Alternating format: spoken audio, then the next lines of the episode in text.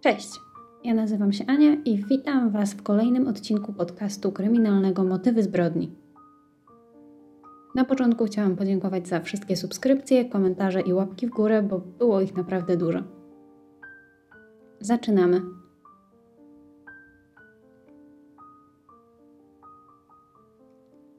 Co roku w Europie ginie około 250 tysięcy dzieci. Część z nich wraca bezpiecznie do domu, ale część znika bez śladu. Niestety, zdarza się, że do zaginięcia mogą doprowadzić najbliższe osoby, które na co dzień powinny chronić i dbać o swoje dzieci. Jest to jedna z tych historii, które bardzo mocno zapadają w pamięć, bo dotyczy krzywdy, którą dziecku wyrządziła najbliższa osoba. Dzisiaj chciałabym Wam opowiedzieć historię, która wstrząsnęła trzema krajami, na terenie których się rozegrała. Historię zaginięcia bliźniaczek Alessi i Livi Shep. Jednak nie jest to typowa historia zaginięcia. Jest ona dużo bardziej skomplikowana i smutna. Ale zacznijmy od początku.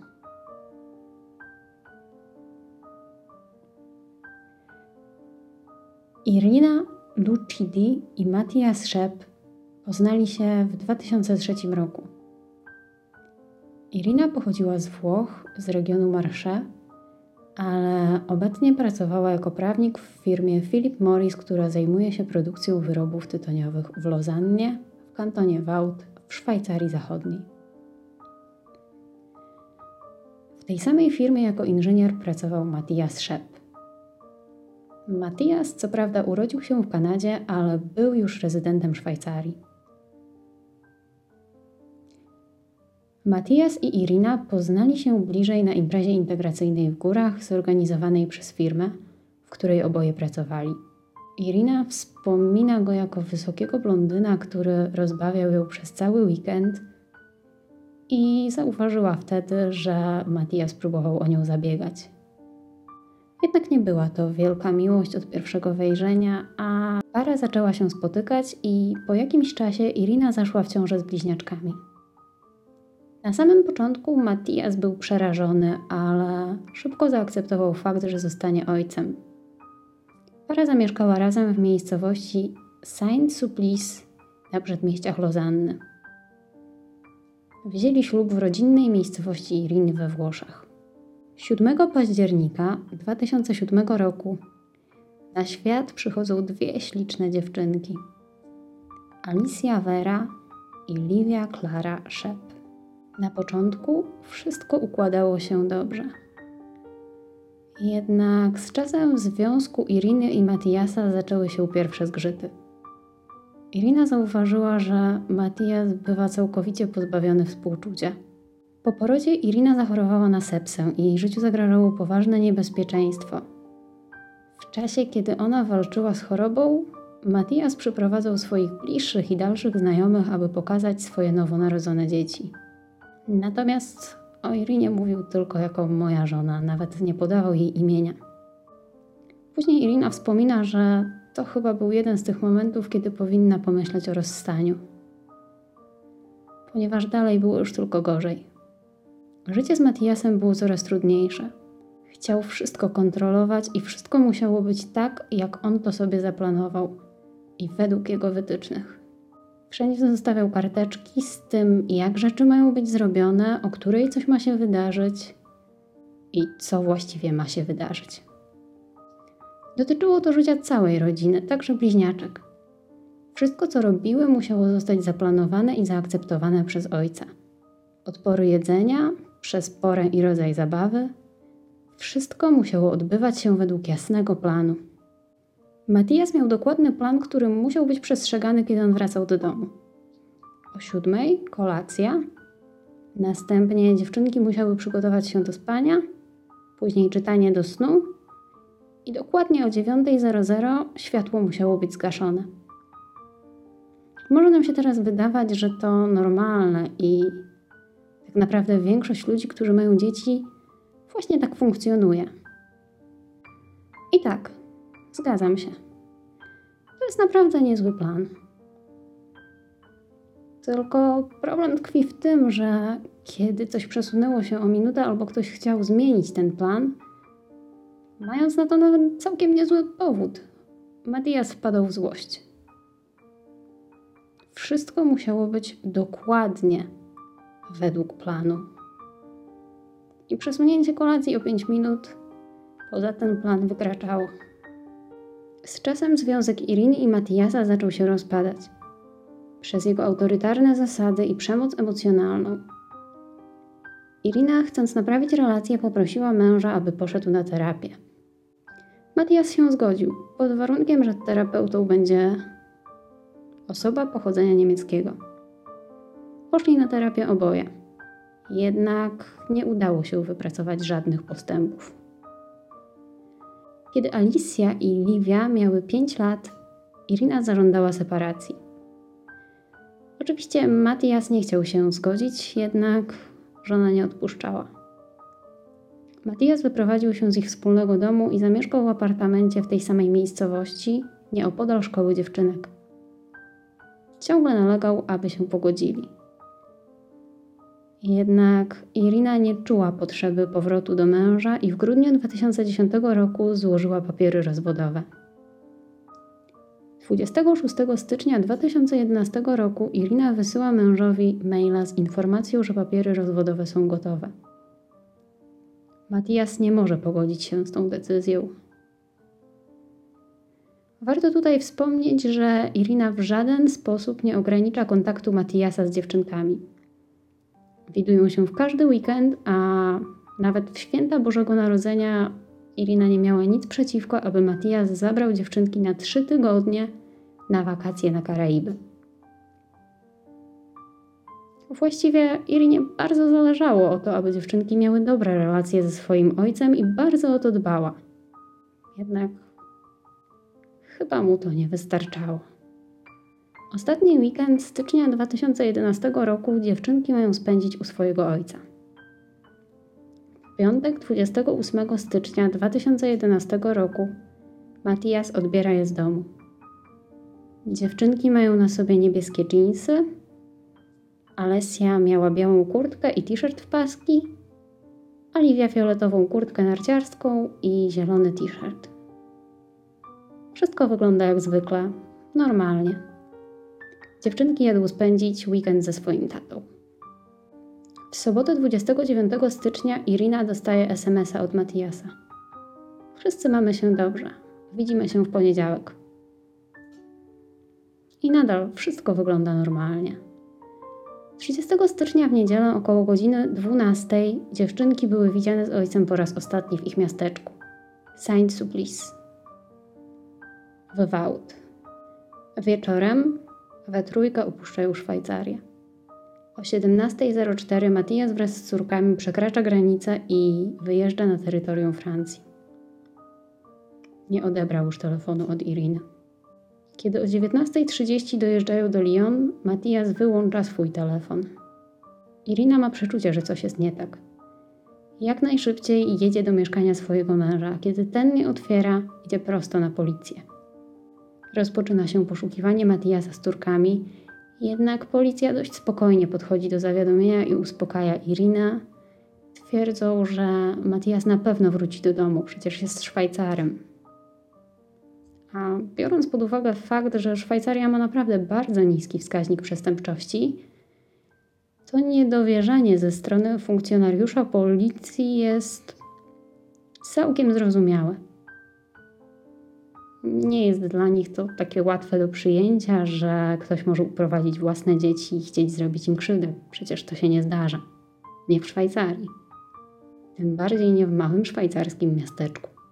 Jednak policji nie można do końca nic zarzucić ze względu na to, że poszukiwania rozpoczęły się od razu, kiedy tylko Irina złożyła zawiadomienie.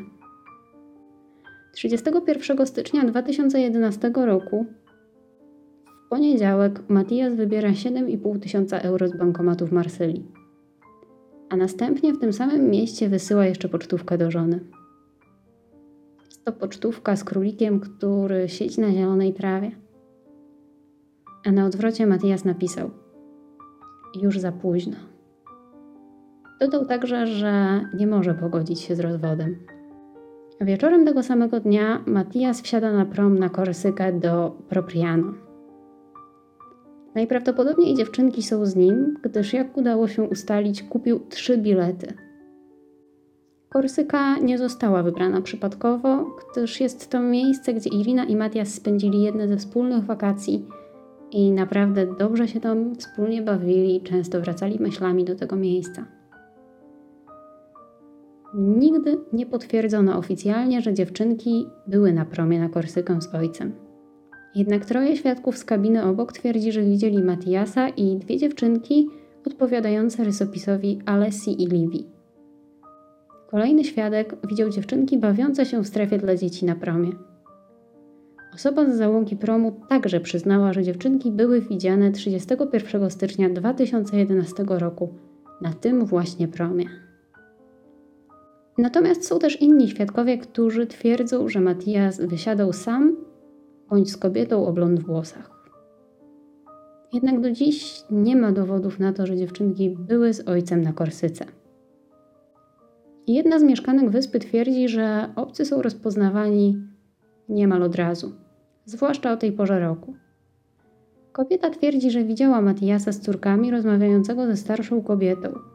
Według jednych źródeł była ona ciemnowłosa, według innych była blondynką.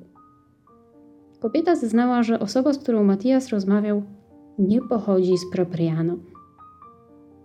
Co ciekawe, kobieta opisała, w co dziewczynki były ubrane. I ich matka Irina twierdzi, że takie ubrania dziewczynki miały ze sobą, więc jest bardzo duże prawdopodobieństwo, że to właśnie Alessa i Livia były na Korsyce z Matiasem. Kolejną osobą, która widziała dziewczynki na wyspie jest mężczyzna, który prowadzi serwis turystyczny na Korsyce. Mężczyzna rozpoznał Matiasa i bliźniaczki oraz samochód, jakim się poruszali. Stwierdził, że nie może się mylić, tym bardziej, że odwiedzili jego serwis w godzinach, kiedy nie było dużego ruchu między 11.30 a 12.30. Mężczyzna pomyślał, że to włoscy turyści i zaproponował im wycieczkę. Na co Matias odparł z mocnym akcentem: Nie, jestem Szwajcarem. Dziewczynki wybrały sobie słodycze, a Matias zapłacił gotówką. Wszyscy wyglądali na spokojnych, zrelaksowanych. Zwyczajna rodzina na wakacjach. Niestety policja nie była zainteresowana zeznaniami mężczyzny, a kiedy zawiadomił policję o tym, że widział osoby odpowiadające rysopisowi, niestety kamery w jego punkcie zdążyły się już nadpisać. Tego samego dnia o 21 Matias wsiada na prom w Basti na północnym wybrzeżu Korsyki i udaje się do Toulon we Francji. W środę 2 lutego 2011 roku Matias dociera do Toulon. Jednak policja nie była w stanie ustalić, czy były z nim dziewczynki. Stamtąd Matias kieruje się samochodem na południe do Włoch. O godzinie 9.13 został sfotografowany przy bramkach na autostradzie. W czwartek, 3 lutego, Matias jest widziany w Neapolu, a dokładnie na jego przedmieściach w miasteczku Salerno. Tam udał się do pizzerii i zjadł lunch, gdzie rozmawiał wesoło z właścicielem. Pytał o obraz, który wisi na ścianie pizzerii, twierdząc, że kobieta na obrazie bardzo przypomina jego żonę. Nawet chciał go kupić. Matias był wtedy sam. Tam Matias wysyła do Iriny kilka listów. W jednym z nich pisze, że dziewczynki odeszły i nie cierpiały, a ona już nigdy ich nie zobaczy. Do pozostałych kopert pakuje banknoty i, i wysyła to do Szwajcarii. Następnie Matias udał się do miejscowości Kerignola w Apulii, z którą nie miał totalnie żadnego związku. Tam o 22.47 Matias rzuca się pod pociąg Eurostar z Mediolanu do Bari, na dworcu kolejowym w tym małym miasteczku. Kiedy to wszystko się dzieje, policja w Szwajcarii, Francji i Włoszech szuka bliźniaczek. 4 lutego Irina udaje się na policję w Marsylii, gdyż wtedy otrzymała kartkę, którą Matias jej wysłał. Ostatnia informacja, jaka istnieje o dziewczynkach, pochodzi z południowych Włoch, gdzie były widziane w towarzystwie ciemnowłosej kobiety 5 lutego.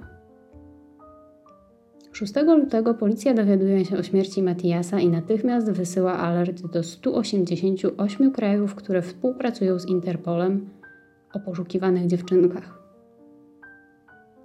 Podczas przeszukania Matiasa policja dowiaduje się, że mężczyzna szukał informacji o truciznach i samobójstwie w internecie.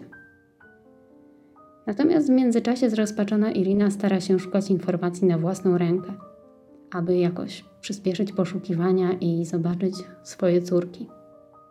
Jedzie do Marsylii i na Korsykę, gdzie podąża śladami swojego męża. Jednak niestety niczego nowego nie udaje się jej ustalić. Mimo iż niedługo minie 10 lat, dziewczynek nie udało się odnaleźć. Istnieje w tej sprawie kilka hipotez, przez które chciałabym z Wami teraz przejść.